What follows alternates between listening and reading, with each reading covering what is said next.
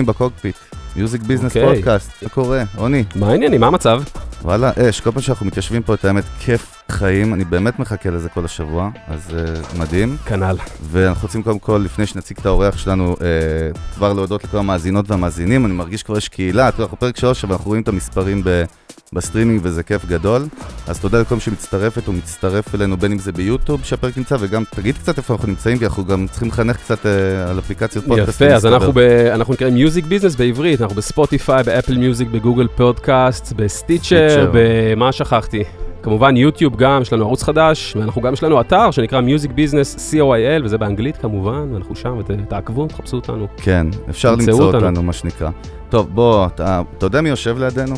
אתה, אתה, ברור. אתה מבין מי יושב לידינו, נכון? יודע. אתה רוצה להציג? כי אני לא יודע איך אפילו להציג את מי שיושב לידינו. מה זה אחי, זה יוסי פיין, אתה יודע כמה כינויים נתנו ל- ליוסי פיין? קודם כל, אהלן יוסי. שלום יוסי, כן. אהלן. ברוך הבא ל Music ברוך ל Music הבא, Business. מה זה? קודם סליחה, כל, דיברנו. עליך בלי לשים לב שאתה איתנו, מרוב התרגשות. זה היה קצת יותר חשוב מ- מאיתנו וזה, אבל יוסי פיין, לא יודע, כאילו כמה, אה, אתה יודע, איזה אה, title ניתן לו? כמה לא טייטלים יודע. כבר הוא קיבל, לא יודע, נביא המוזיקה השחורה, לא יודע, הביא את כאילו- ה dub לארץ, ניגן, מי לא ניגן? בסיסט ומפיק מוזיקלי בינלאומי.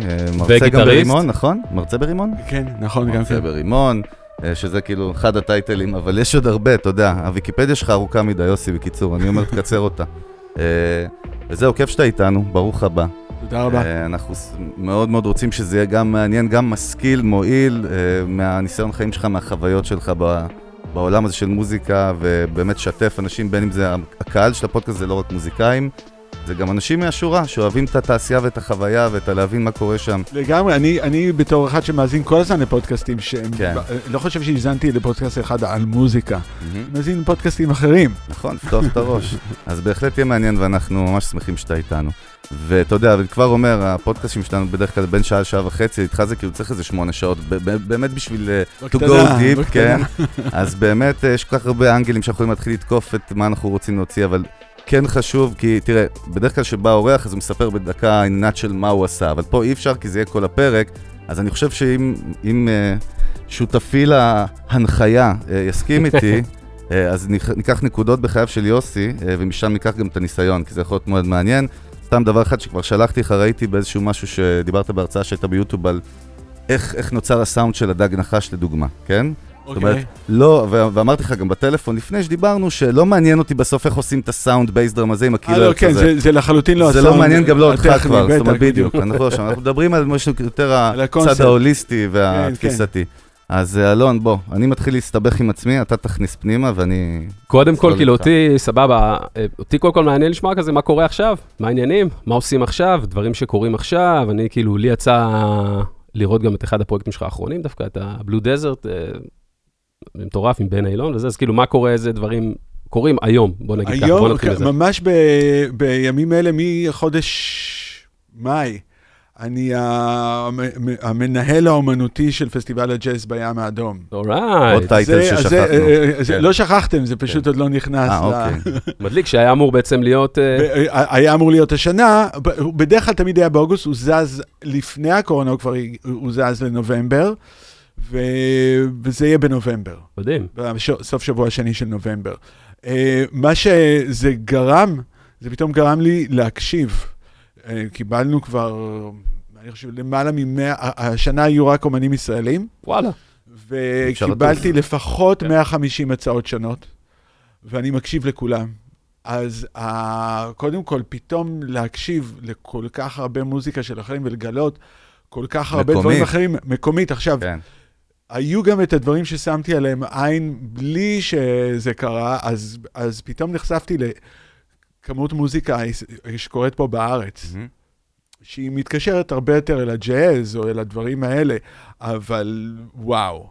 אז מה באמת, אפרופו, אם אם נתחיל מהסוף, מה אתה רואה שקורה היום בארץ שלא קרה פעם? מה, מה, מה, אני, איזה... רגע, אני חייב וידוי קטן, אני כן. ראיתי את יוסי פיין עם האקסנטריקס, נכון? עם ה... אה, אה. ב-90, בפסטיבל באילת, פסטיבל הג'אז באילת, ב-95, 6, מתי לא, זה היה? לא, זה, ארבע? או, לא, 97 או 99. אוקיי, סבבה. זה אחת ההופעות שאני לא אשכח, בואנה, זה 20 שנה. קורה. פה עכשיו. מה, מה קורה, מה אתה רואה? מה בעיניים שלך קורה שמשתנה או שהשתנה? מה קורה פה? קודם כל, זה כבר, זה כללית, כמות הכישרונות הצעירים, הכישרונות הצעירים שקיימים היום בארץ, וזה אה, הרבה בגלל יוטיוב, כי הם מסתכלים המון על יוטיוב, אה, מכיוון שהמורים נהיו כל כך טובים, המורים שמלמדים ב, בכל הבתי ספר למוזיקה, הם ברמה כל כך גבוהה. ו, ובכלל, בכל הבתי ספר למוזיקה, ואני מדבר ממש על הדור הצעיר, שהם כן. רק עכשיו גומרים תיכון, זה uh, גם התפיסה שלהם והכל. אז יש, uh, מה שאני רואה זה קודם כל, uh, הם, הם מבינים המון המון מוזיקה בבת אחת. זאת אומרת, הם מגיעים בגיל 18, 17, 18, חלקם, לא כולם, עם ידע מעולה של ג'אז, של פאנק, של גוספל, של אלקטרוני, של מוזיקה ישראלית. אה, של, של ה-70's, כאילו, בוא נגיד, כן. כן. סטלמטי. כספי, יוני רכטר, אה, יותר מורכב מכוורת. אני מדבר על. היותר אלה של הג'אזיסטים. וואלה. אה, הם, הם יודעים את כל הדברים האלה, הם יודעים מוזיקה קלאסית, אה, לא כולם, אבל הרבה מהם, ואתה שומע, את זה ב, בדברים שלהם, זה, זה מוכן, זה די מוכן, אשכרה. וזה זה נורא כיף. אה, מי שמכיר אה, את העבודות שאני אוהב לעבוד עם, עם צעירים ממש, יש בהם משהו שהוא כל כך אה, ראשוני, ובאנגלית, honest, כן. זה הדבר הזה. כי ככה הם שומעים את זה. בתולי שום- אולי, לא בתולי, לא יודע אם זה לא, בתולי. זה, זה, זה ישר. הם- אה, זה אמין, אמין, אמין, אמין, כנה. בדיוק. אה. כאילו, בדיוק, למשל, שב"כ סמך היו Mm. בני 17-18, וכשנכנסתי לחדר והם ניגנו, הם לא היו כאלה טובים, אבל הם היו כל כך הדבר הזה, מהמם. הם, הם, הם, התנהגו, הם התנהגו כמו שהמוזיקה הייתה נשמעת. חומר גלם היה שם, זה היה בדיוק, כדור- זה היה, וזה, ליטוש. זה בדיוק, זה מה ש... בדיוק, וזה מה שאני כל כך אוהב ב, בלעבוד, ובדרך כלל עם הזה, לראות את הדבר הזה, לראות את הפוטנציאל של מה שזה יכול להיות אחר כך, אה, לפני שזה מתקלקל. זהו, דווקא זה מעניין אותי, אה, אני אגיד לך למה, כי באמת, דווקא בתוך התעשייה, אני לא מדבר בחוץ, הרבה פעמים יש את התפיסה, את לא יעזור טוב, עכשיו נלביש עליו את הפרמפ היקר הזה, את הנוימן היקר הזה, את, ה, את כל הדברים המאוד כאילו החיצוניים, ואז זה יישמע אחרת. ואתה בעצם בא ואומר, אה, כאילו, לא בא, סליחה, לא בא ואומר, אני שואל אותך בעצם, עד איפה הגבול הזה? זאת אומרת, איפה צריך להשאיר את זה raw, מה שנקרא, באנגלית, ואיפה הדברים האלה כן מוסיפים, אתה יודע, בהפקה נגיד. אפילו גם מדוגמאות של דברים שעשית איתם, לא איתם, אתה יודע. זה, זה שילוב, דברים צריכים, קודם כל הדבר צריך להיות ממש טוב ומדליק. זאת אומרת, אני בתור קהל, ולכל דבר יש קהל יעד מסוים. הטעות הכי גדולה זה אגב, זה מאוד, לנסות, בביזנס זה גם ככה, זה מאוד business wise, כאילו. אני business wise אז, מאוד. אז אני אומר, זה מה שאני מאוד אהבתי, גם שמעתי דברים שלך לפני, דיברת מאוד גם על הדברים האלה שפחות מדברים עליהם, כאילו, מה, טארגט אודיאנס ופרופיל ו... ו לגמרי, מעניין. לגמרי. תכניס אותנו באמת לשם קצת. אז הטעות הכי גדולה, וזה מה שתמיד שמעתי בישראל בתקופת גדילתי, וגם אחר כך, זה בוא ננסה לקלוע על הטעם של כולם. שיר שגם סבתא שלי תאהב, וגם דודה שלי תאהב, וגם אה. חבר שלי יאהב, בדיוק. וזו טעות נוראית, בייחוד למוזיקאים שעושים אה, מוזיקה שהיא יותר ספציפית. אה, בוא נגיד אם אתה עושה מוזיקה מזרחית, אז אתה, אתה יודע בדיוק מי הקהל שלך, ו- ועדיף לך לדעת בדיוק מי הקהל שלך. מהמם. וגם בתוך זה יש ז'אנרים.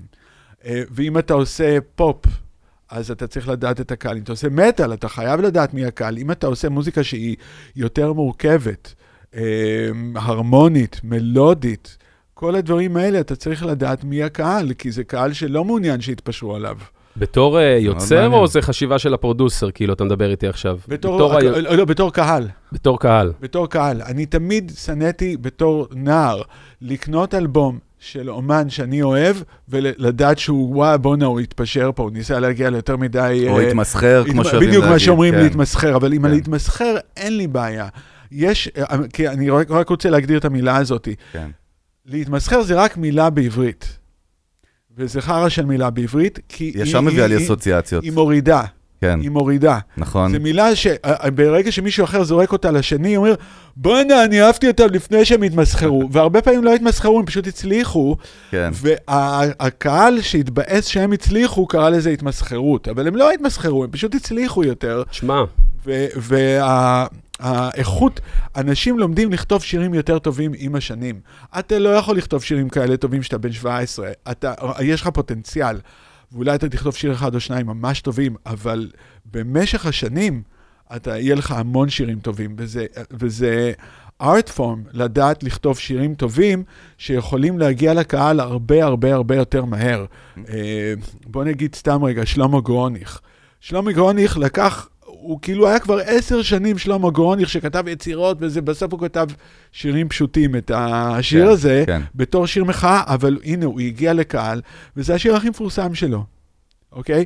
עכשיו, זה לא שהשיר פשוט, השיר לא פשוט, הוא פשוט קליט. ויש בו משהו שגם המילים, גם המסר, גם כל ההגשה שלו, היא הרבה יותר, אה, אפשר לזכור את זה הרבה יותר מהר. וזה הופך דבר מסוים ממצליח, או יותר נגיש, או לא נגיש.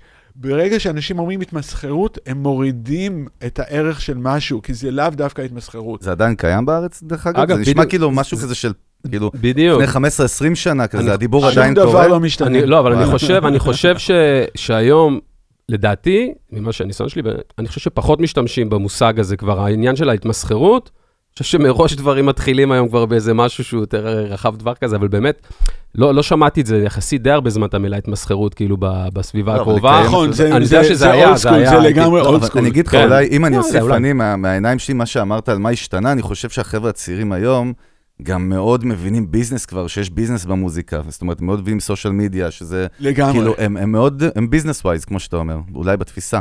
לגמרי, כל העניין של הרשתות החברתיות. אה, אני אתן לך דוגמה. ב- עכשיו, שאני מקבל את כל ההצעות, הצעירים שולחים את ההצעות בצורה שנורא נוחה לי להסתכל עליהם. וואלה. כאילו, לא, אין יותר מדי מלל, יש ישר את המוזיקה, יש ישר את הקליפים, זה כל מה שאני כן. רוצה לדעת. נכון. והמבוגרים שולחים הרבה יותר מלל, ולפעמים הם אפילו לא שולחים קליפים. Mm. שבעיניי זה כאילו, אז איך אני אדע איך ההופעה נראית?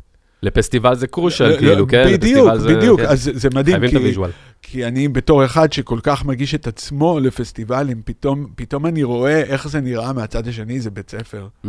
זהו, דרך אגב, אפרופו התמסחרות, פעם אה, עם להקה כמו ג'יין בורדו, פתאום נזכרתי שהם עשו לדיסקונט קמפיין, וזה כאילו להקה, אה, אתה יודע, ג'יין בורדו, כן, שהם הכי. אינדי, כן. כאלה מגניבים, וזה פתאום, לא, והיום זה סבבה, זה מה שאני אומר. זאת אומרת, אני כן- תמיד הייתי בעד, אני בעד, אתה יודע כמו מה, עם חווה אלברשטיין, אז שהיה איזה פולמוס פה, על זה שהיא עשתה את כל השטות הזאת. פורטיס, פורטיס, כן. זה גם בגל, כן. אז רגע, אבל כמה אנשים אמרו, מה, פורטיס, מה, זהו, הגיע סוף העולם, פורטיס עשה פרסומת.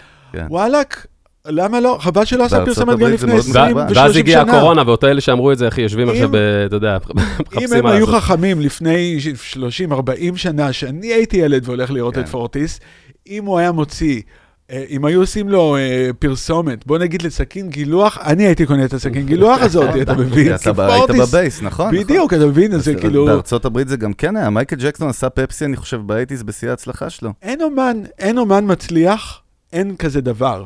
אומן מצליח שאין לו טונה של מוצרים שהוא מוכר. אין דבר כזה, אין חיה כזאתי. זה, זה בארצות הברית, לא משנה, כן. בין ג'יי זי, בין אם יש לו מיקרופון לחברת תקליטים, נכון. לטיידל, למייקל ג'קסון שהיה לו מיליון ואחד דברים שאנחנו אפילו לא, לא דוקטור יודעים. די אז- ביטס אז- ולא לא אז נגמר. זה סוג של. צרות עין שיש בעצם, בעיקר הרבה בארץ, נכון. כאילו, מה מה הקטע מה, בזה זה משהו בעצם? במנטליות, כאילו, שלנו? מה, מה הקטע בזה? כן. אתה יודע, כאילו, מה, מה אנחנו מצפים שמה... אתה יודע, יש ביוז, אני ראיתי גם את הטוק- את הטוקבקים על פורטיס ועל אה, חווה אלברשטיין, על פרסומות וזה, אתה יודע, זה דברים מזעזעים. כמו שיוסי אומר, מי הטוקבקיסטים? הטוקבק- הטוקבקיסטים, בעיקר מה שאני ראיתי, זה היו מעריצים אדוקים, נגיד, של פורטיס. חסידים, אה, חסידים. כן, חסידים, שכאילו הוא שבר להם את אה, ה- אוקיי, אז החסידים ה vision. האלה, החסידים האלה, הם בני 50 כיום. נכון. קודם כל, כן, נכון, כן. נכון. הם תקועים, בפו- לגמרי. הם עצמם תקועים בגיל ב eighties. 17, הוא- כן. בגיל 17, נכון. ולו היו מציעים להם את אותו סכום כסף בשביל לעשות משהו שהם לא אוהבים, הם היו רצים על זה. אז מי אתם שתבואו ולשפוט ברור, את הם פורטיס? נאחזים, הם נאחזים בדיוק. בעצם, הם נאחזים אבל- בפנטזיה שפורטיס ממלא להם, או בדיוק. אותו אמן ספציפית, הם אבל- נאחזים. אבל מדובר רק על ארבעה אנשים. הם עושים הרבה רעש, אבל זה רק ארבעה, כן. כן. תשמע, אתה יודע שאנחנו לא הרמנו, יש לנו קהל היום.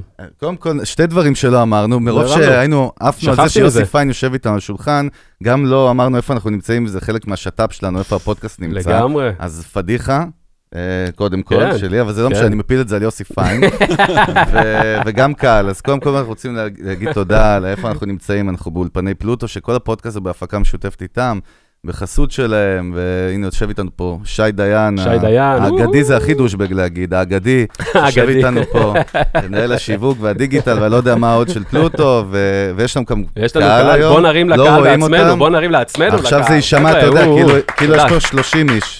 אנשים חושבים שיש פה המון אנשים. אבל באמת אנחנו רוצים להודות לפלוטו על הספייס ועל ההפקה ועל הכל ועל הבית החם. זה באמת אחד מהפסיליטיז מבחינתי הכי נחשבים בארץ, אולפנים, מתחם של אולפנים. מתחם של אולפנים, פלוטו, זה... אז זהו, הנה, לקחנו את יוסי כן. כבר כפרזנטור, מצוין, הוא עושה את העבודה יותר טוב ממני.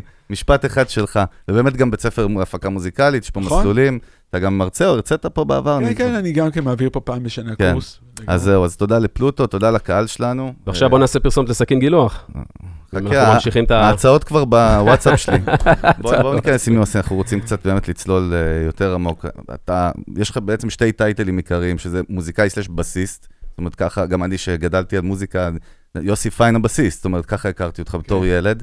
אה, ובאמת, אבל אה, באמת, אתה עושה המון, אבל שתיים, אם כאילו נגיד כל ישראלי צריך לדעת מה הפקת בארץ, באמת מה שיעלה בדרך כלל, תקן אותי אם אני טועה, זה שב"כ סמך והדג נחש. נכון. יופי. אז אני באמת רוצה, ושם באמת הצבת איזשהו סאונד, זאת אומרת, זה סאונד שהישראלים לא שמעו לפני, זה לא משהו שהיה, זה לא עשו מזרחית, עכשיו עושים עוד מזרחית עם נגיעת כינור, או משהו שם השתנה. אז מעניין אותי קודם כל עד כמה אותנטי זה היה, או, או מה שקרה זה by accident, קרה לך תוך כדי ההשראה בעבודה איתם, או אה, מה, מה היה שם? אתה, אתה מבין את מה אני בטח, מתכוון לשאול? בטח, בטח. תראה, אה, בוא נתחיל משב"ק סמך. בבקשה. אני גרתי בניו יורק אה, עשר שנים לפני שב"ק סמך. כן. נסעתי לניו יורק בדיוק בגיל 20. ו... שכחנו להגיד שהיית גם הבסיס של להוריד כזה על הדרך, כל מיני, כל מיני דברים אה, קטנים אה, כאלה. אתה יודע, דיוויד בואי, כן, כן, ככה, בקטנה. לא, ממש לא היסטרי. וכל מה שאני, זאת אומרת, אני נסעתי לנגן פאנק וג'אז, ג'אז פאנק. כן. אבל, אה, ועל הדרך יצא עוד מלא מלא דברים אחרים, אבל מה שאני הייתי מקשיב היה היפ-הופ ומטאל.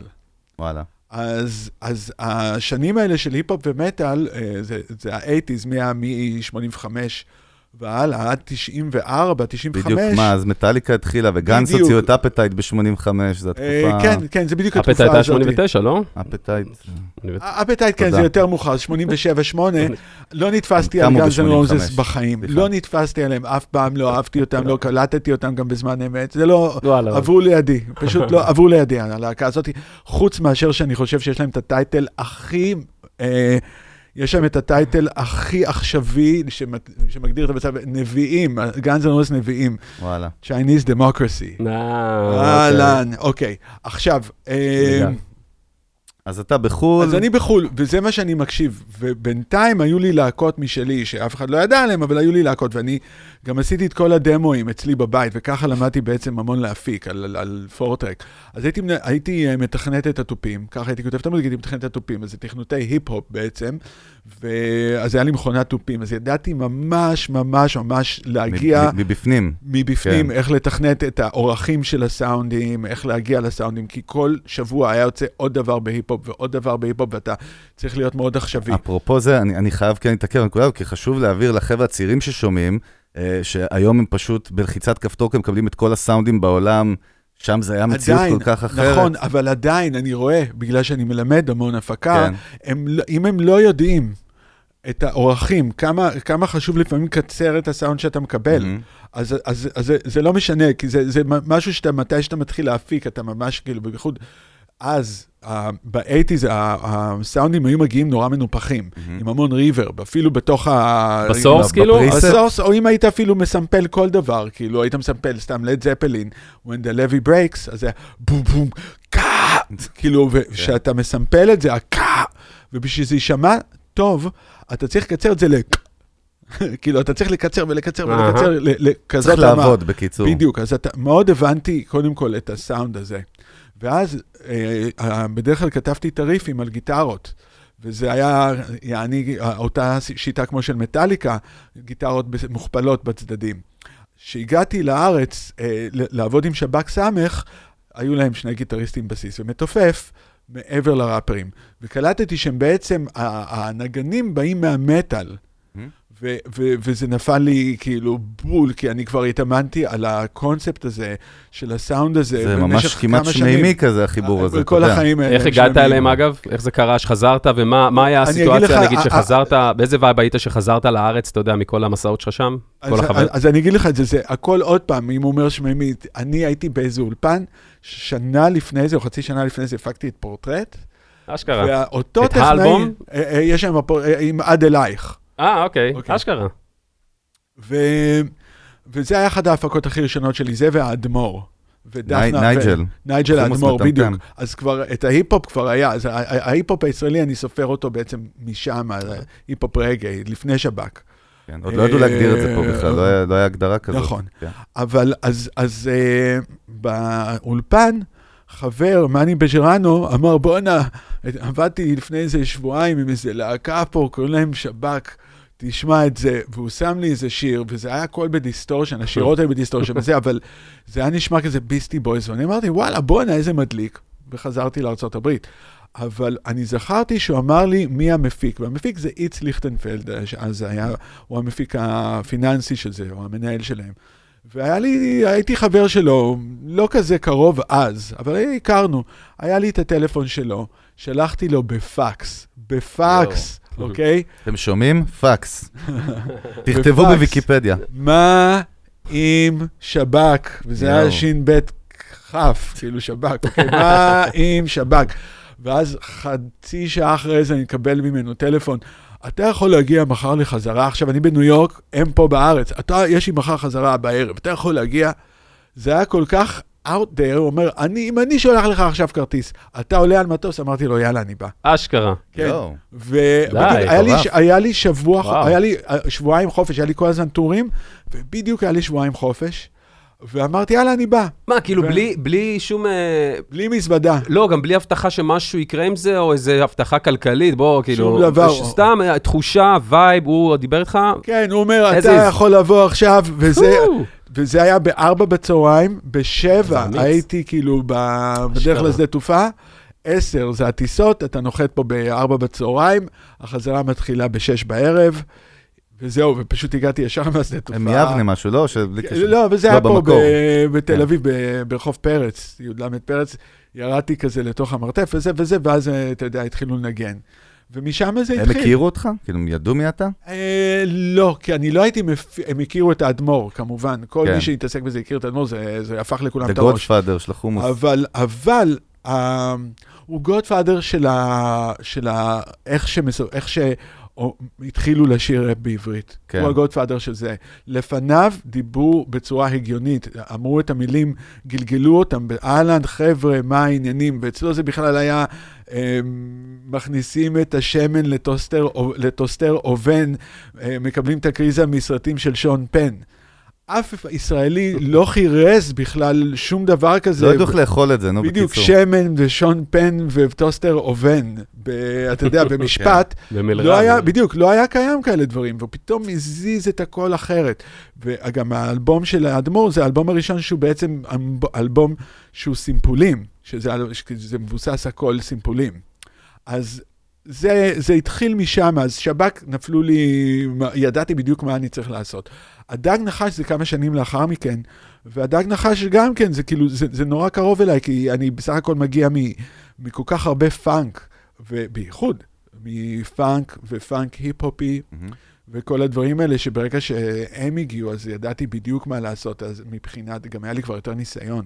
אבל uh, זה היה קצת יותר הרמוני, אפשר היה יותר לפתח הרמוניות, יותר דברים עם הכלי נשיפה, um, הם יותר פאנקים משב"כ היו. רגע, ורסטילי. כשאתה מדבר על קהל, מי היה קהל ליד שב"כ? אני הייתי ילד בן 16 ששמעתי את שב"כ. אני בן 36 סך הכל, זה בדיוק הזמן, שמענו את הדיסק בבית, מעשנים. אני, כל מה שעניין אותי זה ילד בן 16 שרוצה להקה אחת ברוק הישראלי, כן, שלא מוותרת לאף, כאילו לאורך כל כן. האלבום. בתדמית שלהם גם זה באמת עבד. בדיוק, שלא מוותר, ש... כי אני בתור ילד הייתי קונה והייתי אוהב ארבעה קטעים, מהמם. ואז פתאום היו שלושה קטעים שהייתי מתבאס, הייתי כאילו, מהמם. זה היה כאילו water down, פתאום כן, שירי כן. אהבה, או שירים כאלה רציניים מדי, או נכון. בוגרים מדי, וזה. לא, רציתי תקליט אחד שזה יהיה לילדים האלה, ואני כיוונתי בדיוק לקהל של איזה כמה ילדים אצלי בראש.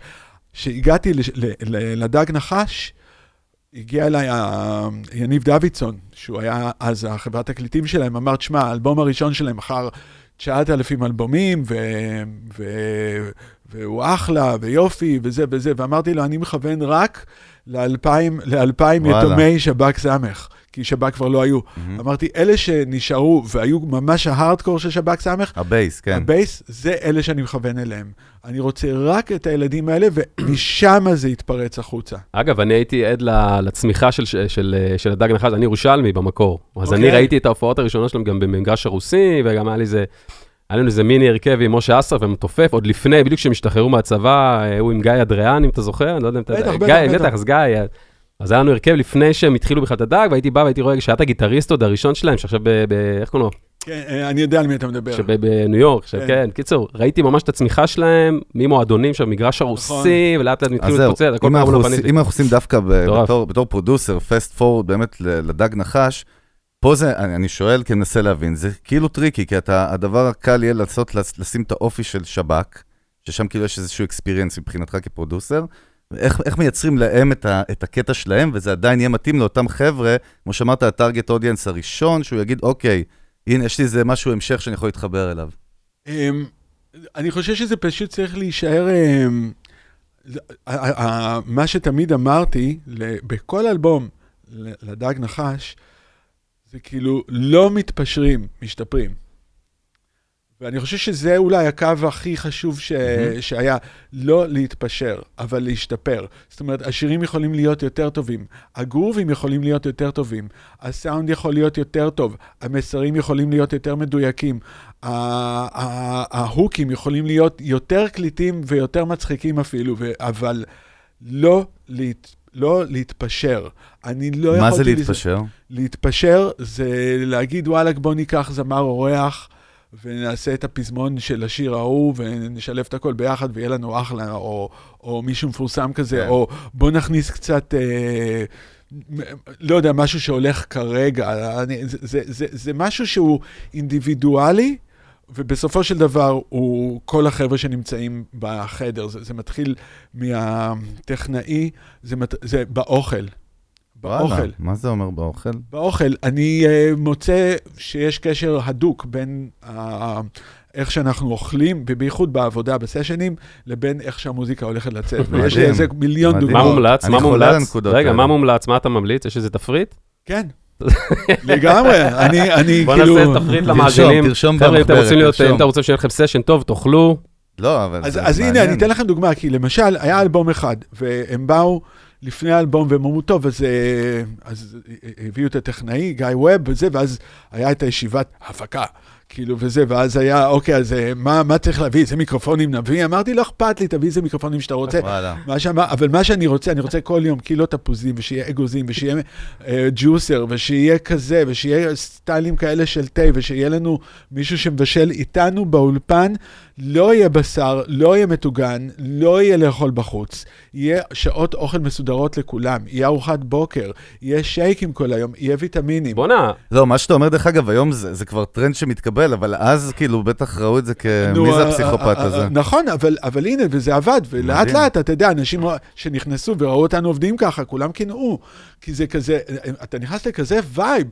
אנשים היו כאילו, לא יכלו לצאת, לא רצו לעזוב את האולפן, וכל אחד שבא להתארח, בין אם זה היה יהודה קיסר, או, או, או זה לא משנה, אבל אני אתן לכם את הדוגמה של יהודה קיסר, מהרגע שהוא נכנס, מהרגע שהוא נכנס, זה ישר, אתה יודע, פותחים שולחן עם, אתה יודע, עם תה, נענה, שיבה, אה, אה, מה שאתה רוצה יש, כאילו, אבל הכל בשביל להרים אותך. זהו, מעניין, אתה, מה שאתה מצייר לי, שאתה מדבר, אני רואה תמונה בראש, במקום, אתה יודע, סשן, יאללה, כולם, זה, יש לו כאילו חייל, זה תפקיד, זה מגיס, זה צלף, אתה מדבר על זה gathering כזה, איזשהו, משהו שבטי כזה, משהו, כאילו, הרבה יותר עמוק. בדיוק, זה וייב, כי הווייב מוקלט.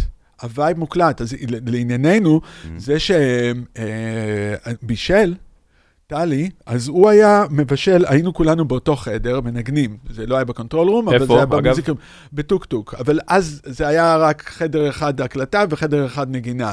אז זה היה חדר גדול, ושם היה המטבח. הוא הביא את הפתיליה, הביא סיר גדול, אשכרה. ואתה יודע, וכל הדברים האלה. עכשיו, היינו מנגנים שמה, והוא היה מבשל. והטכנאי היה בא, תגידו לו רק שיפסיק אה, עם כל החיתוכים שלו, אתה יודע, שלא ייכנס למיקרופון כן. של ההקלטה. אמרתי לו, זה בסדר, שגם זה יוקלט, כי. זה חשוב לאללה. ואני מאמין שזה הוקלט, וזה, וזה חלק מלמה האלבומים האלה, תשמע, כמעט כל האלבומים של הדג הפכו לזהב ופלטינה.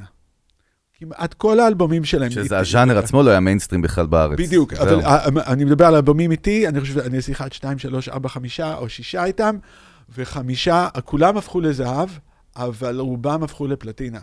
והסיבה, וזה מה שיצא גם בשב"כ וגם עם הדג, הווייב מוקלט. ואני לא מנקה את הווייב החוצה.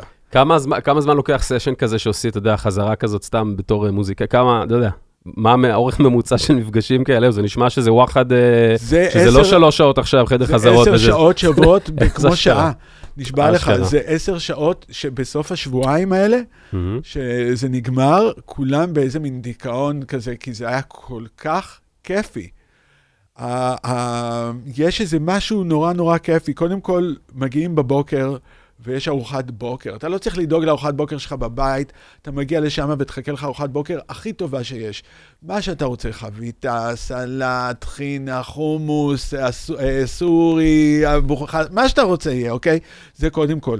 ואז מתחילים, אה, אתה יודע, מתחילים אה, לעבוד. עכשיו, הרבה פעמים ב-11 בבוקר אין וייב. אני, אישית, לא נפתח, הם נפתחים, אבל אני לא.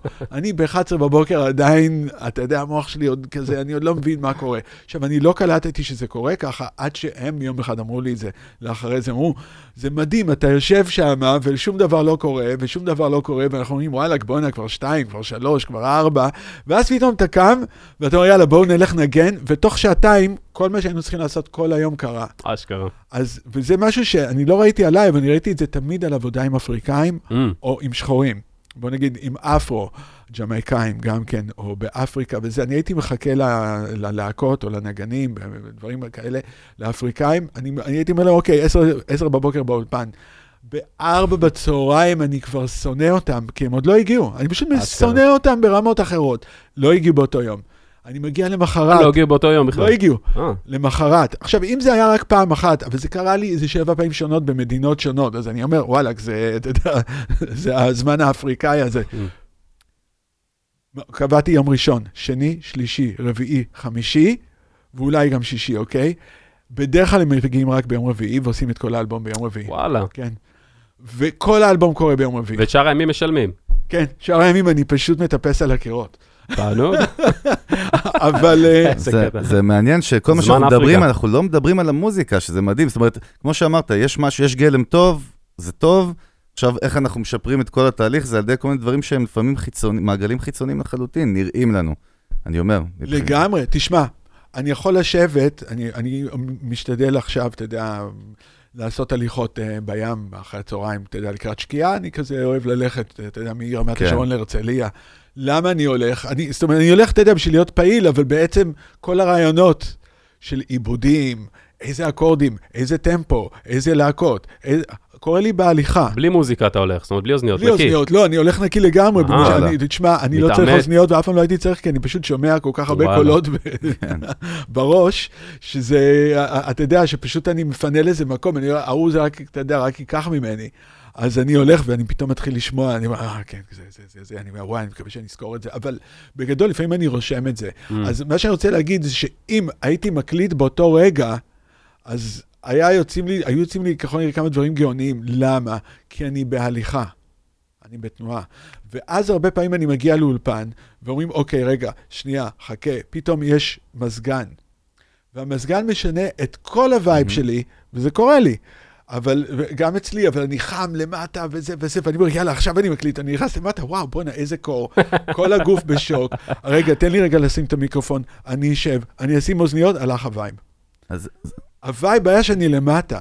אז אותך. אפרופו vibe, בואו נלך למש... למוזה והשראה. אם יש עוד משהו שמעניין אותנו ככה לדעת, באמת, זה, זה, זה מונח שהוא מאוד tricky. אה, אתה יודע, ביצירה, ב- בקריאייטיב בכלל, השראה. אתה יודע, תמיד אנחנו מדמים את הפיות האלה ואת ה... לשבת על הים עם בוב מרלי ברקע, כן. ומניפה, אני בא לי מניפה כזה, אתה יודע. אני בא לי לשבת פשוט עם בוב מרלי בים. זהו.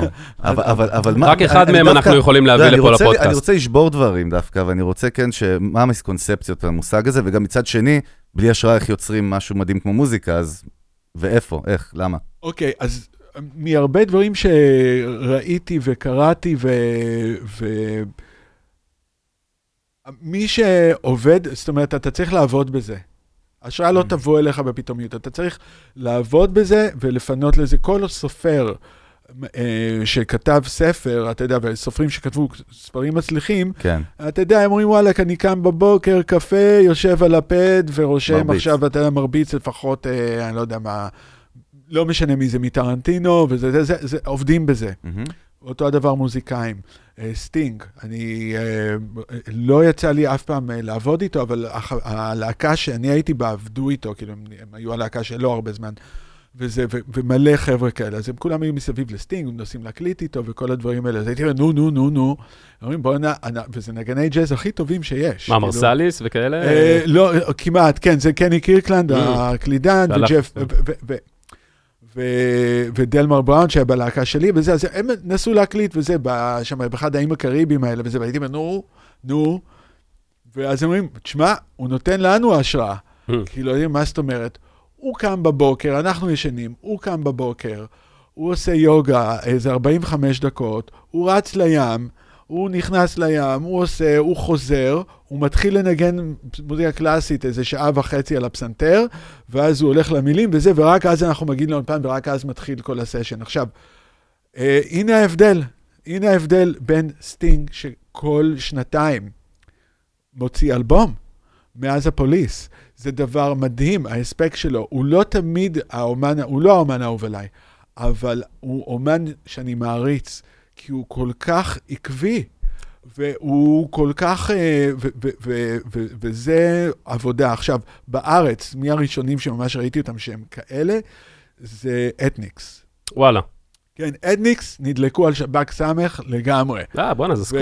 כן, סקופ לגמרי. אתה זוכר, אחר כך היה להם להקה, חיילי הנקמה, הם נכון. הפיקו, אז שב"ק סמך הביא להם המון השראה. אשכרה. אז הם שב"ק גם היו מאוד סמך, נראה לי, כמו שאתה אומר, מקצוענים ו business wise מההתחלה. בדיוק, אז אני זוכר פילוני הצעיר, פילוני בן ה-18, הולך לפגוש את אתניקס, והוא העביר לי, אתה יודע, כאילו, הוא אומר, בואנה, באתי, ובואנה, הם פשוט שאלתי אותם, מה אתם עושים? הוא ו... תמיר. זאב נחמה. כן, תמיר וזאב נחמה, Mhm. אז הם, הם אמרו לנו, כל יום, בתשע בבוקר, אנחנו באים לפה, פותחים את זה עד חמש בערב, ומתחילים לכתוב. מדהים. יש השראה, אין השראה. עכשיו, אני חוטא, שאני לא כזה. אני, זה בא לי בתקופות, יש תקופות שאני אומר, מעכשיו, זה בדרך כלל נניח מדצמבר ועד uh, מרץ, זה התקופות שאני בדרך כלל או כותב או מקליט ומפיק. כי ב- ב- בקיץ יש יותר הופעות וזה, אז כן. אז זה תקופות ששנה שעברה סגרתי את עצמי באולפן, כל יום, רוצה, לא רוצה, אין כזה דבר, ופשוט כתבתי שירים חדשים, אה, כי אחרת זה לא ייכתב. זהו, מעניין אותי דווקא בעידן של היום, שהוא באמת, הוא כל כך שונה מה-80's וה-90's, אתה יודע, שאני עוד הייתי ילד של 90's יותר, אבל בעולם של היצירה המוזיקלית, אם זה ברמת הטכנולוגיה, לא נחפור, כי יש כל כך הרבה מה להגיד על השינויים של טכנולוגיים, שהכל נגיש לכולם, כבר דיברנו על זה גם בפרק קודם עם עדי רותם, שמה שנקרא, אתה יודע, כל break even, פעם היינו יכולים להיכנס לאולפן מאוד יקר, גם כל אחד עם 100 כרטיס קול ומיקרופון יכול ליצור בבית, אבל uh, כן מעניין אותי שתכניס אותנו, האם אפשר לייצר היום את הדברים המעולים האלה בלי השראה, זאת אומרת, רק business, להגיד, אני מתכנן שזה ההיט שאני רוצה לעשות, או... אתה, אתה מבין מה אני מתכוון? ננסה... לא, לא, השראה, אני לא מאמין שאם אין לך השראה, אז אתה לא תיכנס, לא, אתה לא תרצה להיכנס לאולפן. או Mhm. לעבודה הזאת מלכתחילה, זאת אומרת, אתה נהנה בתור מוזיקאי, כמו ששף נהנה להיכנס. למטבח. זהו, כי סטיבי אני- וונדר, נגיד, הוא היה, הרי העבודה שלו פעם, יש כותבי לעיתים, נכון? וקראתי בזה שלו שהוא היה בן 17, הוא היה כישרון כזה, לקחו אותו במס- בשכר לייצר לעיתים לאנשים שהוא לא מכיר.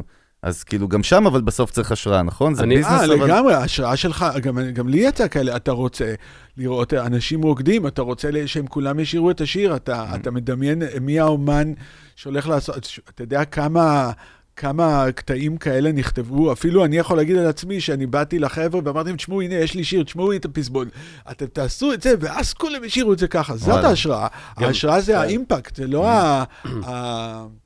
אתה רוצה אימפקט, יש מיליון סוגי השראה, יש השראה שאני רוצה לנגן לבד, ואתה יודע, מעצמי, כן.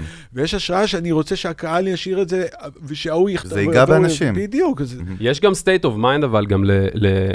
יש state of mind שאתה גם, אני, אני מכיר את זה כאילו באופן אישי, שאתה כאילו מחליט, ברגע שההשראה לא מכה בך, זאת אומרת באופן אה, טבעי מאיזשהו מקור מסוים, יש, יש, יש גם איזה רגע מסוים שאתה מחליט שאתה רוצה, שאתה פתוח להשראה גם, שאתה מוכן, מוכן לקבל השראה מדברים מסוימים, לא יודע, זה state of mind כזה, אתה מכיר, מכיר את זה? לגמרי, שאתה, אני אומר, אוקיי, אני מוכן להשראה, bring it on, כאילו, בוא נתחיל עכשיו לגמרי. אתה לשאוב את צריך ה- להביא את לשאוב זה את זה, אם. זה לא, שוב, כמובן, זה זה אחת מהשיטות, אבל... אה, זה, זה, כן, השראה זה, כל כך, זה דבר כל כך רחב, אבל זה כל דבר שאתה יכול uh, לתפוס ולהשתמש בו, כאילו בתור רעיון שמדליק לך משהו. Uh, בין אם זה וידאו של מישהו עשה, בין אם אתה גם לא אוהב את המוזיקה, או בין לראות מישהו, עוד פעם, אני אגיע לרמת השף. שמבשל וכל כך אומר, בואנה, אני אשים את, ה, את התבלין הזה מהמם. ואת זה ואת זה, אתה אומר, בואנה, הוא שם על זה כל כך הרבה זמן, גם אני רוצה לעבוד ככה. ו- ו- ו- וזה ב- בכל דבר, אני, אני, השראה זה, זה, קל לי לקבל השראה מכל דבר כמעט, כי זה, זה, אני רק צריך משהו קטן לקחת ממישהו. את ה... לפעמים גם בריטואל הזה של ה... אני קם בבוקר לכתוב, כמו שאמרת, שיש אנשים עושים, לפעמים אתה גם מתכנן את זה כבר מראש שאתה כבר בלופ של זה, אתה כבר לפעמים בערב או שאתה לפני, אז אתה כבר אומר, אוקיי, בבוקר אני כבר, יש לי איזה משהו כזה כיוון, ואז אתה מתיישב, אתה יודע, זה לא כאילו, אוקיי, דף ריק, אה, בוא נתחיל, לפעמים יש לך כבר רעיונות, כאילו אתה חי את זה, את הלופ הזה כבר. אתה יודע, in a nutshell, אם צריך סתם, כי אנחנו באמת, כל דבר חייבים לגעת איתך קצת, כי זה כל כך מרתק, אבל אה, עבדת בחו"ל באמת עם אומנים בסדר גודל הכי גדול שיש במוזיקה. אם צריך לקחת איזשהו 2 סנט אחד, איזושהי תובנה אחת למוזיקאים דווקא, מה למדת משם? זאת אומרת, מה הדבר שראית ש... אתה יודע, דרך אגב, זה יכול להיות גם חמש דברים, כן? אחד נשמע יותר טוב, אבל כאילו, מה שבא לך, אתה יודע. מה, מה, מה חווית שם? לא רק ראית באקספיריאנס שקיבלת לעצמך ליוסי, ש, שלא היה פה, או בכל מקרה אז בישראל. אה, סגנון חיים. אוקיי. סגנון חיים. באיזה קטע? אה, של שפע. קטע של שפע וקטע של התמסרות. אני חושב שזה שני הדברים שאני קיבלתי. מה שפע? ש- שפע כסף? שפע של, שפע, של מה? שפע, שפע, ת- שפע תן לי איזושהי דוגמה מוחשית, תספר- תסביר לי, תכניס אותי ל... תוריד אותנו קצת ל... ל- כן. לקרקע. כן. מה זה שפע? תראה, אמ, הייתי הולך לעשות סתם חזרות עם לוריד, והייתי רואה איך הוא גר. אז היה לו בית מחוץ, היה לו בית אחד בניו יורק, והיה לו בית אחד מחוץ לניו יורק, בניו ג'רזי, כן. והיה שם חדר גיטרות, אתה יודע, שהיה למגברים. עכשיו, אני אף פעם לא ראיתי מישהו שהיה לו כל כך הרבה מגברים, היה לו כל מגבר שאתה רק רצית, היה שם, זה שפע. היה לו מלא דונמים, הוא היה, זה מאוד רחוק מניו יורק, כן, זה ארצות הברית, הכל בדיוק, גדול. בדיוק, זה שפע. היה לו אה, יותר ממכונית אחת, זה שפע. אה, היה לו מלא גיטרות, זה שפע. היה לו את המוזיקאים הכי טובים שהוא רק היה רוצה, וזה לא עניין של כסף, כי כולם פחות או יותר עולים אותו הדבר. אבל, אה, אבל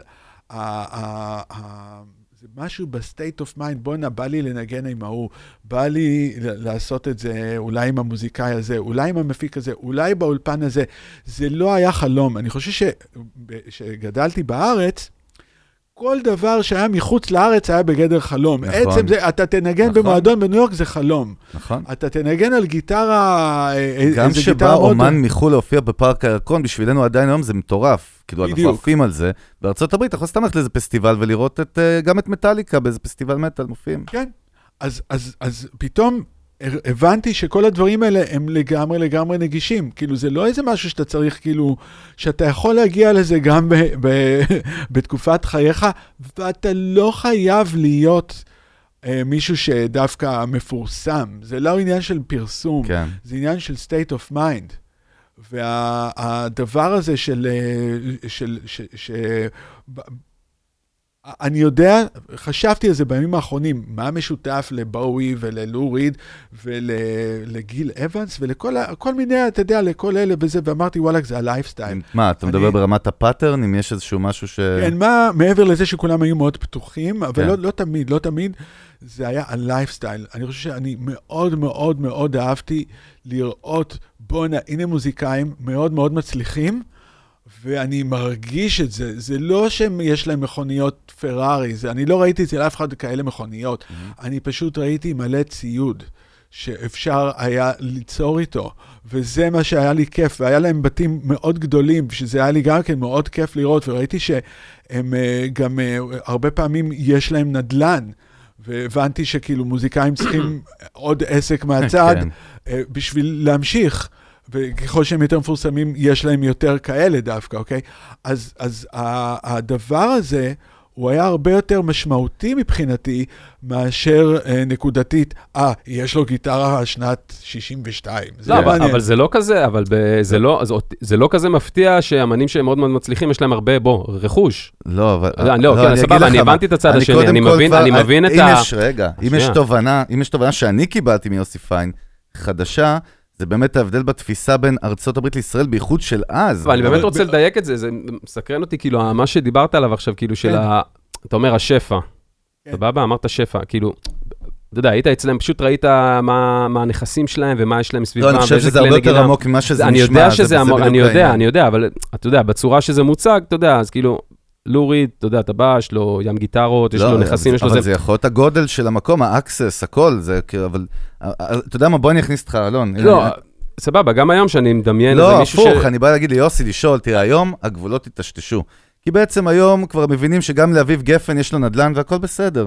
יש משהו בתפיסה שהשתנה בארץ, וגם יש עוד משהו שהשתנה, זה האינטרנט, אתה יודע. האינטרנט גרם איזשהו access לכל אחד, לכל דבר שלא היה קיים בתקופה שלך זה, בעצם זה נכון. אז. אני, אני, יודע, אני יודע מה זה עשה לי, אתה רצית נכון, לשאול לא, משהו? לא, כן, לא, כאילו... דרך אגב, אני- באמת שאלתי השאלה היא- מהחוויה של יוסי אז, זה ברור שזה היה שונה ממה שזה ברור, היום. החוויה היא כאילו, הוקסמת מזה, או שהושפעת מזה ברמת, אה, אתה מבין מה אני אומר? כאילו, היית, היית ה- מוקסם מזה, זה- וואו, בסופו זה, של דבר, וואו. בסופו של דבר, זה מאוד מאוד מאוד מאוד מאוד חדר אליי, כי, וואלה. ומאוד השפיע, כן. כי אני ראיתי שיש הגבלה בין, אה, זאת אומרת, להיות מצליח, זה להיות מצליח. זה, זה, זה, זה, זה, זה לייפסטייל מסוים, bundle, כן. והוא לא שייך לכסף. הוא לא שייך יפה, לכסף. יפה. אני הייתי מצליח גם. כשהייתי מאוד עני בתקופות. זה לא תמיד אתה עם הכסף, לפעמים אתה פתאום נכנס לחובות אה, נוראים, אבל זה לא אומר שאתה לא מצליח. וזה לא שייך באותו רגע בכלל, אם אתה נמצא ברדיו או בטלוויזיה, או אם יש לך אלבום או לא. אין לזה שום קשר. למה כן יש לזה קשר? להיות מצליח זה רק state of mind, שאיתו אתה, אתה, אתה הולך, ובתור אחד שמצליח ואתה הולך לקנות, אה, בוא נגיד, נעליים. סתם, ניכנס עכשיו אה, נעליים. ונכנס, ה, ה, ה, אתה נכנס לחנות נעליים והמוכר ישר קופץ, יש נעליים כאלה ויש נעליים כאלה ויש נעליים כאלה, והוא מנסה למכור לך כל מיני דברים, מהמם. או מנסים למכור לך יותר זול, פחות זול. בן אדם מצליח, בוחר את הנעליים המדויקות שהוא רוצה שיהיה לו בדיוק. וזה ההבדל בין מצליח ללא מצליח. יפה. אם אתה מדייק את החיים שלך, אז אתה מצליח. עכשיו, בואו ניקח את זה Nice. להכי קיצוני שיכול להיות. אלוויס פרסלי לא מצליח. כי אלוויס. פרסלי לא הצליח להוציא את הדברים כמו שהוא רצה אף פעם. היה לו מישהו הוא מעליו. מראש התפשר בהקשר הוא- למה שאמרת היה קודם. מישהו מעליו שפשוט מירר לו את החיים, ה manager שלו, כן. ואלוויס פרסלי רצה לעשות אלבום בסטייל כזה, והוא אמר לו, אתה לא תעשה את האלבום הזה. והוא רצה לעשות את ההופעת חזרה שלו בלאס וגאס מול קהל מסוים, והוא לא נתן לו. והוא רצה להתלבש בצורה מסוימת, והוא לא נתן לו. והוא הוא לא רצה לעשות סרטים, והוא לא נתן לו. אז אני אומר, ואז, ואז הוא לוקח מיליון כדורים, אתה יודע, נגד דיכאון, כן. ומת.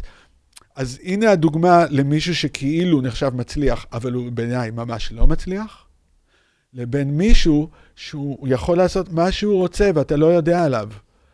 והוא, אבל הוא חופשי. יכול להיות שהבייס שלו זה גם 200 איש בתל אביב באיזה בר קטן שהולכים כן, איתו? אבל כל עוד שהוא חופשי, בדיוק, כל עוד שהוא חופשי לעשות את מה שהוא באמת רוצה, ו-200 איש בתל אביב בבר זה אני. או, אתה יודע איפה אני רואה את הקונפליקט? אני צריך שתעשה סדר בקונפליקט. כי מצד אחד דיברת על זה צריך להישאר נאמן לעצמך ולא להתפשר. מצד שני, אנחנו אמרנו, להתמסחר זו מילה שהיא לא גסה בכלל, צריך לעשות כסף. השאלה היא עכשיו, איפה הגבול הזה? כי אתה יודע שאומן עכשיו בא, נגיד, ופוגש PR, פוגש, אה, פוגש פרסום, אתה יודע, פוגש משרדי פרסום, פוגש קמפיינים, פוגש דווקא את הדברים הכאילו הקיצוניים, כאילו, זה כבר לא. אבל אה, אז יגידו עכשיו בוא תעשה שיר של, אני לא יודע מה. נועה קירל, לא יודע, תבוא עכשיו, או, לא, עזוב, נו, כל היום. אחי, יש דור היום שגדל, בוא נדבר רגע על נועה קירל. בוא נדבר רגע על נועה קירל. אני מאוד רוצה את ה insight שלך על נועה קירל, דווקא. בדיוק, כן? הדור היום מחפש רק את ההתמסרות, הוא מחפש רק לא, את לא התשומת בטוח, לב. דרך אגב. הרוב, הרוב, הרוב, לא. הרוב, הרוב הצעירים, הנוער, הנוער, סבבה? הם רק רוצים. שיראו אותם, הם לא רק רוצים ש- של... לראות אותם זה אומר שהרבה יראו אותם, זה אומר שהם יתמסחרו. כן. נועה קירל זה דוגמה קלאסית. שימו לב אה, לנועה קירל, ל-state of mind של נועה קירל, אוקיי? of mind אתה שלה. באמת יודע מה ה-state of mind שלה? לחלוטין. סבבה? שים לב, דבר אליי. מהקטנה. דבר אליי. מהקטנה, ואני לא מכיר. אותה. גם אני לא. אהלן נועה. אני לא מכיר אותה. שלום. היא הוציאה עכשיו שיר, מיליון דולר. אוקיי? מה היא אומרת בשיר? איך אני נראית? מיליון נכון. דולר. מה אני עושה? כן. מיליון דולר. דרך כל אגב, אחלה שיר, אני חייב לציין, מוזר שאני אומר אוקיי. את זה, אבל זה אחלה אז שיר. עכשיו, האם היא התפשרה בהבאת המפיק של השיר? היא הלכה ל-The Best, היא הלכה נכון, ג'ורדי, ג'ורדי. נכון? יפה. האם היא התפשרה על הקליפ? לא. האם היא התפשרה על... בדיוק. האם היא התפשרה על המאפרת? לא? היא התפשרה על הבגדים. לא. היא התפשרה על האפטר של הקליפ. לא. כן. האם הם התפשרו על אחר כך איך מפרסמים את זה ביוטיוב? לא. אוקיי, אז כל הזה זה לא התפשר בכלל, אוקיי? דבר אחד. עכשיו שימו לב למילים, וזה קלאסי. מהמם. ב state of mind שלה היא מצליחה. למה? כי היא אומרת מראש, איך אני נראית? מיליון דולר, אוקיי? עכשיו שים לב, יצא, אחרי שהשיר הזה יצא, זה בדיוק באותו שבוע היה את העניין של החתימת חוזה עם, לא זוכר בדיוק, ואז בחו"ל. בדיוק, ואז בדיוק קיבלה חוזה באטלנטיק, אני לא יודע כמה, אבל בוא אומרים נגיד, 13 מיליון דולר בוא נראה לי, נגיד משהו כזה, 13, כן. בוא נגיד 14. קצת פחות מה שהציעו לאלון כזה. בוא נעגל למעלה, על 15. כן. יאללה, עכשיו, אוקיי? אז היא קיבלה את זה, וזה ה-state of mind של מישהו מצליח. ואז יצא קליפ של, עם, אותו, עם דחקה ממני. על השיר, עם דחקה על השיר, של. ראפר אחר. והוא עשה, התקשרו מהבנק, רוצים מיליון דולר, אני בחובות, מיליון דולר. והוא הולך עם העגלה, אתה יודע, של הסופרמרקט, מלאה ב junk, והוא מחפש כאילו בפחים. עכשיו שים לב איך, מה קורה. האם הוא התפשר על הצלם? Ab-so-fucking-lutely. האם הוא התפשר על המאפר? אני לא חושב שבכלל היה מאפר. Mm-hmm. האם הוא התפשר על, ה, על ה... זה? למה? כי אין לו כסף. למה אין לו כסף? כי הוא מזדהה עם הדבר הזה מראש. ובגלל זה, הנה התוצאה של נועה קירל, מדהים. והנה התוצאה של מדהים. מישהו אחר. עכשיו, איך אני גיליתי את השיר האחר? מישהו אחר שם את זה ביוט... בפייסבוק, Mm-hmm. אבל גם המישהו האחר הזה, זה מישהו שאין לו כסף. וזה לא עניין של כסף, כמה כסף יש לך בבנק, זה כמה of mind. אתה, זה ה-state of mind שלך, למה אתה מתחבר, האם אתה מתחבר אל השפע, או אתה מתחבר אל ה- מי שאין לו. נורא קל להתחבר למי שאין לו, יהיו לך הרבה יותר חברים שם. הרבה יותר קשה להתחבר עם כדורסלן מצליח, שכל הזמן, אתה יודע, קולע והתאמן 16 שעות ביום, אבל הוא לא מוכן לוותר על זה, מאשר עם מישהו שמתלונן על כמה, וואלכ, אני לא מתאים לי להתאמן כל היום, תן לי שעתיים ביום. כאילו בן אדם נמשכים יותר ללוזריות ולדאון בטבע שלהם? אה, ל- ליותר, לאזור הנוחות. לאזור הנוחות. אף אחד לא רוצה להיות לוזר, ממש אף אחד לא רוצה להיות לוזר, אבל יש אנשים שהרבה יותר קל להם אה, להתייחס לדבר הזה, כי הרבה יותר קשה להצליח. הרבה יותר קשה להיות מטאליקה, והרבה יותר קל להיות, לכאורה, לכאורה, כל הלהקות מטאל שהיו ליד מטאליקה. עכשיו, הרבה יותר קשה להיות מטאליקה, למה? כי כל הזמן אתה צריך להשתפר.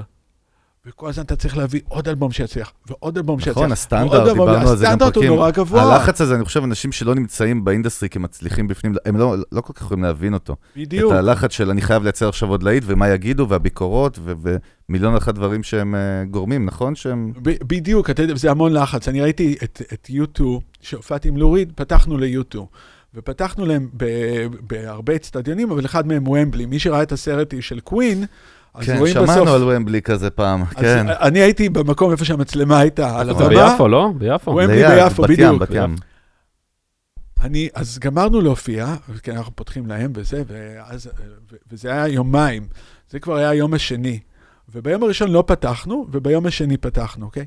אז אנחנו כזה יוצאים מהבמה, בונו עומד ממש בצד של הבמה, עד אז לא הכרתי אותו, והוא אומר, בואנה, אתם חייבים, יש לכם עוד שלוש דקות, לכו תעשו את ויילד סייד, את Walk on the Wild Side, כנסו, כנסו, כנסו, מהר, מהר, מהר, וזה, כי תכף, סבבה. ואז אנחנו יורדים, והוא אומר, בואנה, הקהל היום טוב, אתמול לא הייתי מספיק טוב, לא תפסתי את הקהל כמו שצריך. בונו. ואני ראיתי אותו הולך, ופשוט, אתה יודע, כאילו, עושה את כמיטב יכולתו, וזו הלהקה הכי גדולה בעולם, מה שנראה מבחוץ. וואלאק, איזה כיף. איזה מצליחים. את, הבן אדם שעומד על הבמה באותו רגע, דקה לפני זה הוא, הוא מתרגש, והוא רוצה, שהוא רוצה לתפוס את כל הקהל, המון אחריות על הכתפיים, המון המון המון אחריות על הכתפיים. כאילו זה יש לך 50 או 100 אלף לקוחות בקהל ששילמו כסף. לא, אבל בונו גם אחד היציבים, אחי, קח לדוגמה, להבדיל אלפי? הבדלות, כן, אה? קריס קורנל. כן. לדוגמה, שלא, אחי, זה הכריע אני שואל. מה זה? זה הכריע אותו. לא, זה עניין של יציבות, שמע, יש פה, כל הקטע הוא מנטלי, הרי לך תדע, אתה יודע, אנשים...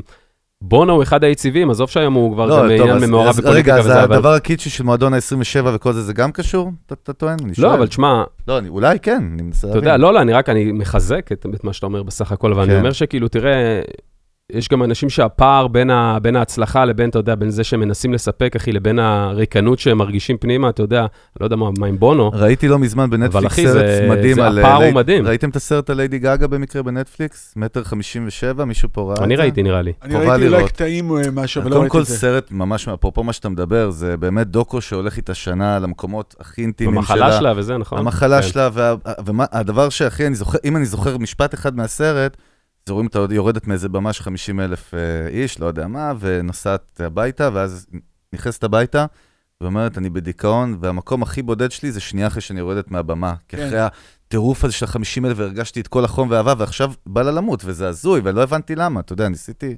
לא, לא, לא הצלחתי להתחבר ולהבין. לא, לא מזמן ראיתי את הסרט על דודו טופז. כן. סרט שעשו כן. עליו אז, ויש בדיוק את הרגע הזה שהוא הוא חוזר מאיזשהו, אתה יודע, צילום, והוא, והוא לא יודע מה לעשות, הוא, הוא מסתובב באוטו, בחזרה בדרך הביתה, והוא אומר, אולי אני אתקשר לזה, אולי אני אתקשר לזאת, כי הוא אומר, אה, זה נורא קשה.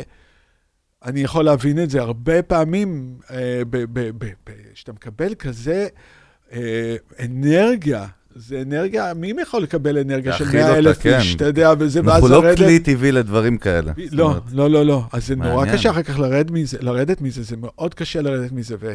אבל זה מה שמקרקע אותך הרבה פעמים. אם אתה מצליח לרדת מעניין. מזה די מהר, כי אם לא, אתה יכול להישרף. זה לקבל יותר מדי וולטג'. אגב, לחבר'ה צעירים, כאילו, אתה יודע, מה שדיברת מקודם על ה-state of mind הזה של ההצלחה, של ה... אתה יודע, מה נגיד... לא יודע, איזה טיפ, שניים אפשר, אתה יודע, לתת לאנשים, לחבר'ה צעירים שעושים מוזיקה, אתה יודע, ש... לא יודע, עושות ש... מה, באיז, איך מתמודדים עם הצלחה? או איך, לא, איך, איך נכנסים ל state of mind הזה, או איך עושים שינוי, אתה יודע, עם אנשים שהם יותר קורבניים, אתה מבין מה אני אומר? ב state of mind, מחכים? חבר'ה צעירים, נגיד, מה אפשר, איך אפשר להניע אותם, לחנך במרכאות, שהם יהיו בתדר הזה של השפע וההצלחה, ואתה יודע, הדברים האלה. אהבתי, אני חייב להרים לך, ולא בציניות, שאהבתי את התדר הזה, את המילה תדר. שוכראן, שוכראן.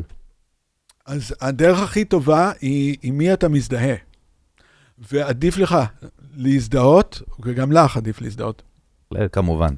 עם, עם uh, מישהו מאוד מצליח, ממישהו ש, שאנחנו מעריצים, ולא עם, uh, אני קורא לזה, uh, אני, אני ראיתי שיש הבדל, למשל, בהפקת שירים. כל עוד שאני אהבתי פרודיוסרים מאוד אלטרנטיביים, ככה גם היה התוצאות שלי. הם היו מגניבות, אבל אלטרנטיביות. מהרגע שהתחלתי להתייעץ בעיני, רק בתוך הראש, עם הפרודיוסרים הכי the best שאני חושב שהם, מאותו רגע, מעניין. התוצאות נהיו יותר טובות. עכשיו, בתור נגן... תגדיר לי אלטרנטיבי מבחינתך. אלטרנטיבי... זו מילה שהיא... כן, לא, לא, מיינסטרים נגיד, לא, לא, לא, לא יודע, בוא, לא יודע, בוא, אולי יש לזה הגדרה מדויקת, אתה יודע, אלטרנטיבי זה כזה כללי. בוא נגיד עכשיו סתם, יש ז'אנר היפ-הופ, אוקיי? אז יש תמיד את ההיפ-הופ שמאוד הולך כרגע, נכון? ויש היפ-הופ שהוא תמיד אלטרנטיבי, הוא אף פעם לא מצליח, אבל הראפרים הטובים יודעים שזה, the shit is there. אוקיי? וזה כזה, זה לא להיטי לרדיו, זה לא זה, זה יותר מתוחכם, זה יותר זה. זה, בוא נגיד, אוקיי. ענייננו אלטרנטיבי. אז אוקיי. אני תמיד מאוד אהבתי את זה, כי זה נתן לי המון רעיונות, זה עוד לא קרה, אפשר לה, להביא את זה למיינסטרים, זה בסדר. אבל אם אתה מזדהה, וזה כל מה שאתה רוצה להיות, אני פעם הלכתי לראות להקה, פה בברבי, שאולי הייתי אמור לעבוד איתם או לא וזה. ואני קולט שהם מנגנים סגנון מוזיקה, והם מנגנים רק B-side style. הם מאוד אוהבים ללכת ולשמוע, וכאילו להיות כמו להקה לא מצליחה, זה אלא לא שהם לא להקה של יכולים B-side. בגלם, זה לא שהם לא יכולים. לא, הם יכולים זה לגמרי, קטע, קטע מעניין מאוד. אבל הם אוהבים נורא להיות כאילו, בוא'נה, אנחנו מחתרתי. יותר מחתרתי כזה וזה וזה. ואת, ואני רואה את הקשר הישיר, אני יכולתי לראות אז, וואלה, זה לא יצליח. בוא'נה, כי הם לא אוכלים כמו שצריך בחזרות. הם לא לא שתו יצליח. מצגז- לא הם לא. שתו מצגזר לא. תפוח בבוקר, זה בעיה. ו- וזה עניין של אה, אם אתה רוצה להצליח, וזה אה, זה משהו שאומרים לכל איש עסקים, תלמד לחכות איש עסקים מצליח אחר, אפילו אם אתה לא מכיר אותו, אבל תקרא עליו, תבין אותו, תראה מה הוא עושה, איך הוא מתנהג במשך היום, ו- ו- והרבה דברים כאלה, ואם אתה תחכה את ה- את ה-state of mind שלו, אתה תגיע להצלחה.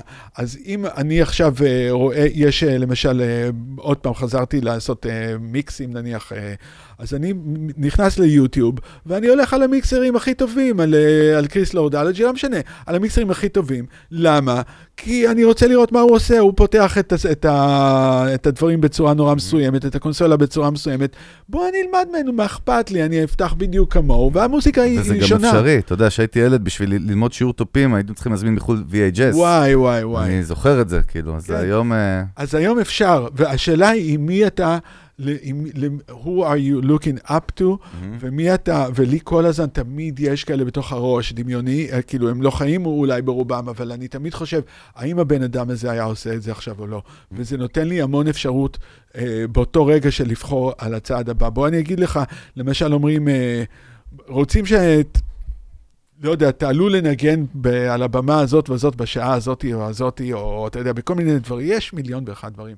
והרבה פעמים זה מגיע לזה, ואני אומר, האם מיילס דייוויס היה מסכים לזה או לא מסכים לזה? אם, כן. הוא, מס- אם אני חושב שהוא היה מסכים לזה, אני אומר, וואלה, אני עושה את זה. ואם אני אומר, הוא בשום פנים ואופן לא היה מסכים לזה, אני מיד אומר, טוב, לא. ואז ההתייעצות שלי עם מישהו שמאוד מצליח בקטע הזה, זה, זה לא שייך לעניין של מוזיקה, זה רק state of mind. אז כאילו, מה, נתמצת את זה באיזה משפט אנחנו לחודה גם נצטרך לשאלה? לצערנו תכף כבר לגשת לאט לאט לסיכום. כן, סבבה, אז כאילו לצעירים, מה, לא לחשוב. אה, להיות מושפע מ... איך ננסח את זה בצורה, כן. אתה יודע, קצרה? אם אתה משחק כדורסל, עדיף לך להזדהות עם מייקל ג'ורדן. כי, או עם מישהו כזה, להבין מה זה אומר, את כל המנטל שלו. זה המנטל שלו, הרי מייקל ג'ורדן הוא הכי מצליח בגלל המנטליות, מהמם. מעבר לנתונים שלו, אבל המנטליות כן. שלו של לפרוש ולחזור, ו- ו- ואיך הוא מתאמן ואיך הוא מנתח כל דבר וזה, זה המנטליות שלו שהיא כזאת, בעוד ששאר החבר'ה באותה הקבוצה של הבולס, לא היו מגיעים ראשונים לאימון. ואחרונים יוצאים. מהאימון. אז, אז, אז המנטליות שלו היא כל הזמן כזאת, תמיד להתלבש איך שהוא יוצא מה... מה... חדר הלבשה. בחדר הלבשה, כן, הוא נראה. מיליון דולר. דרך אגב, הוא הכניס את זה ל-NBA, היום אתה רואה את כל השחקנים יוצאים לך בסוואג מטורף עם. כל השרשראות והשעונים. וה- בדיוק, אז, אז, אז, אז הכל אצלו ההצלחה, זה שהוא יכול היה להגיע, אני לא יודע, אתה יודע, לדברים כאלה, חלק מזה זה יצא על הדרך במקרה. יש את החומר גלם, את הכישרון האדיר. הזה, אבל זה לא מספיק. בדיוק, אבל זה המנטל. מניח שראית את מנטל. הריקוד האחרון, כאילו, כן? ברור. זה ככה, גם שיערתי, זה... טוב, אנחנו. באמת שמדהים וכיף, אבל אנחנו נצטרך תכף לסכם, אז uh, אני. אכבד אותך, אני אכבד אותך בשאלה האחרונה, שאלה טובה, האמת ששאלתי... ואז אני אשאל אחריך לא, שאלה. האמת שהשאלה ששאלתי עכשיו היא הייתה... את האמת, אה, כן, מה המסר כאילו למוזיקאים צעירים? אתה יודע, כי זה תמיד הכל, הרוב מסתכם באיזשהו, במשהו מנטלי. כי אתה מסתכל זה על הדור הבא כל הזמן, סתם מעניין אותי זה למה. תמיד החוסן הנפשי, אתה יודע, לעשות דברים ולהיות בליבר, אחי, לא דיברנו על זה בכלל, להיות מאמין, להיות בן אדם שמאמין בעצמו, אחי, הכי חשוב. להאמין, אחי, להאמין, לדמיין את זה, אחי, לרצות לראות את זה קורה, אחי, לדמיין, לראות דברים, לראות ויז'נים, בול. ושזה אמן. אשכרה יקרה, לא דיברנו על זה בכלל, כאילו, אחי, להיות בליבר, אתה מבין? לקום בבוקר, לדמיין את אחי, עצמך. להאמין שדברים קורים, אני. אומר את זה ואני מתרגש, אחי, לדמיין את עצמך, אם אני יכול, ל- ל- ל- למוזיקאי צעיר, דמיין את עצמך הכי, אני הייתי מדמיין את עצמי על אצטדיונים. אני פשוט הייתי מדמיין את עצמי, לא לשמוע את האמא. הפולניה שאומרת, בוא, תחזור, יאללה, יש לך לא, בכל לא, דבר, הבא." בכל דבר, לא, גם- לא, כן, לא, ברור, לא, ברור. לא, גם לא עניין כי אותי. זה נשמע כאילו, אתה יודע, מנטרות קיצ'יות כאלה, אבל הן באמת אמיתיות. זה מביא את זה. זה, אמיתי ברור. לחלוטין. ולדמיין, איינשטיין אמר לכל התלמידים שלו לצאת לדמיין, זה הדבר הכי חשוב, הדמיון, מהמם. Imagine, זה המילה הכי חזקה בכלל, בכלל, בכלל, שיש. שאלו, מה המילה הכי משפיעה, הכי זה, ובגלל זה ג'ורג', ג'ון לנון כתב Imagine, כי הוא ידע מה המילה הכי משפיעה, זה Imagine, יפה. אוקיי? מדהים. אז קודם כל, זה Imagine. אז אני לגמרי לגמרי רוצה לחזק את מה שאתה אומר, אה, וזה לגמרי לגמרי, וואו, מטורף, נכון, ו- לגמרי. מגניב, ואחר כך גם שיהיה את הכוח, אותה. ואחר כך שיהיה את הכוח גם להוריד את זה ל- ל- למעשה. לכדי מעשים, עוד דבר ולדעת, אחד, לרכוש את הכלים של לדעת להוריד את זה לארץ ולמעשים, לתכלס. אתה, ועוד דבר אחד ממש ממש חשוב שאני רואה את זה, וזה אחד הדברים שחבל נורא שקורים היום, רוב האומנים הצעירים, כי אני מלמד, עושים את הכל לבד, ואומרים להם שהם יכולים לעשות הכל לבד, אתה יכול להפיק לבד, לשיר, לנגן, Mhm. לעשות, ליחצן. לא, אתם לא יכולים. הכל לבד, אתם לא תעשו את זה טוב. תשתפו פעולה.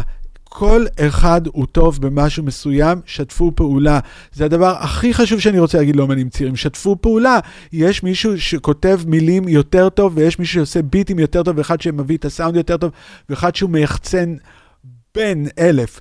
ויש מי, נכון. כל אחד יש... חוזקות תעיפו שלו. כבר את. ה fucking אגו הזה לא, כבר, זהו. ותעשו outsourcing לך, לדברים ש- אני- שכבר טובים. שאני- כאילו. העולם שבא מאותו זה יותר ecosystem של branding וסטארט-אפים, ושם עשו מחקר מאוד גדול, אז אנחנו start-up nation, בכל זאת, יש כבוד, יש data ללמוד ממנה, אבל עשו מחקר סטארט-אפים בכל העולם. לא הורדת אותנו. אחי.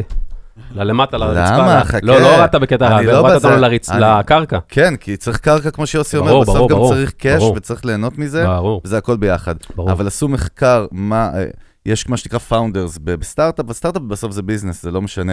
כאילו, מה כמות ה-co-founders הכי טובה? זאת אומרת, האם זה בן אדם אחד שהוא היזם היחיד, או האם זה שתיים, או האם זה חמש או שש. ולפי המחקר הזה, שלוש שותפים שכל אחד טוב במשהו אחר, נגיד אחד ב tech, אחד ב marketing, slash branding, slash business, ולא זוכר מה השלישי, אבל זה האידיאל מבחינת data, כאילו. ב- לגמרי, המשולש הקדוש. כן? אז זאת אומרת שלא חייבים באמת לעשות הכל לבד, כאילו, ואין עניין כזה. בוא כן. נעשה להקה, בקיצור, יוסי פיין יהיה הבסיס שלנו, מתאים לך? פש, מתאים. רגע, מה, אנחנו... אנחנו רוצים- אה, תקשיב, קודם כל, אני- יוסי, אנחנו, קודם כל, רוצים- באמת, אנחנו נצטרך להתכנס סיכום.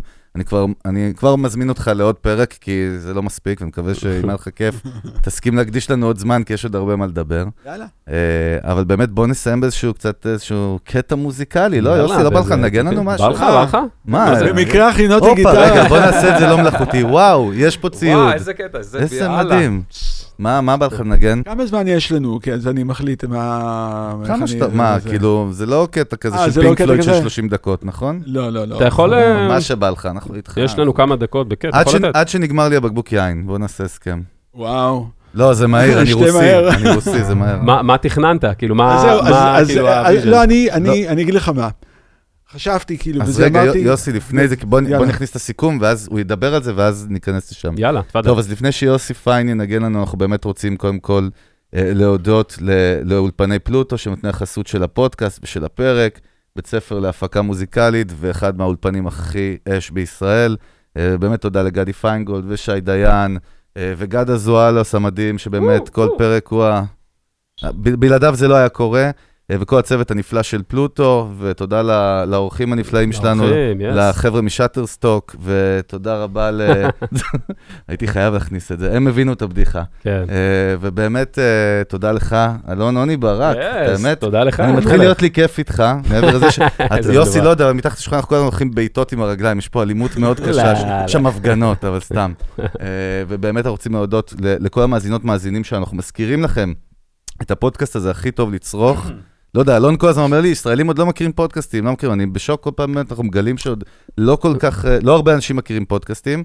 מכירים, לא הפלטפורמה- הרוב, הרוב. לא, הרוב לא, אז פחות. אנחנו מנסים להנגיש, באמת זה נמצא בספוטיפיי, ב-Apple Music, ב-Stitcher, הפרק עם יוסי יעלה גם ביוטיוב, וגם כמובן באתר של Music Business, בפייסבוק, גם בלינקדין אפילו, עכשיו אני אספר לך זה גם שם, יאללה. אה, ובעוד כל מיני אפליקציות סטרימינג למיניהם, ובאמת תודה לכל מי שהאזין לנו. יוסי היה, מסק... השכלנו, אה, קיבלנו, באמת, ויש פה המון המון, אני חושב שבאמת חייבים מתישהו, אתה כבר, אתה definitely בא אלינו לעוד פרק. בכיף. ובוא, מה אתה רוצה לנגן לנו סיכום ככה, לסיום? גם תודה מבחינתי. יוסי אפילו הביא לנו בס אקוסטית Yes. לאולפן. אז זהו, מה- שרציתי להגיד זה, בשבוע האחרון פשוט יצא לי פתאום בחזרה לנגן על הבאסה וואלה. האקוסטית אחרי שנים, ו... וזה משהו שכאילו אני אף פעם, אני תמיד נגן עליו בבית בשביל הכיף. כן. יש איזה גיג אחד פעם בחצי שנה שאני עושה עם הבאסה האקוסטית הזאת, וזהו זה. אז הנה, עכשיו יש לך עוד גיג. אז זהו, אז אמרתי, יאללה, אני אבוא. לפה, אני אעשה משהו שאני עוד פחות... חדשנות אה, איתנו. בדיוק. יאללה. אה, יאללה. אם אני במקרה שר, אתם חוזרים אחריי, זה הכל. אני שר שורה, אתם חוזרים אחריי. זה הדבר היחידי ש... אם זה יקרה.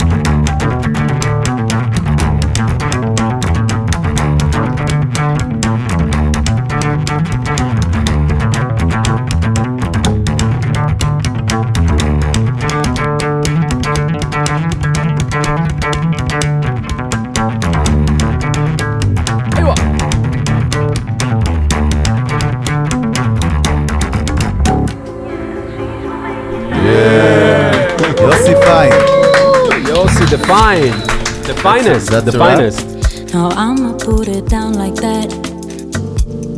I'm leaving, I ain't coming back. You don't like the way I act anyway. You really don't have to react. Don't try to change my mind, in fact. Honey, I've already packed all my stuff. Hmm. We're no longer kids, let's move on. And you are not my kid, so I'm done. Please don't make me pull my gun. Sorry, boy, I can't be the one. You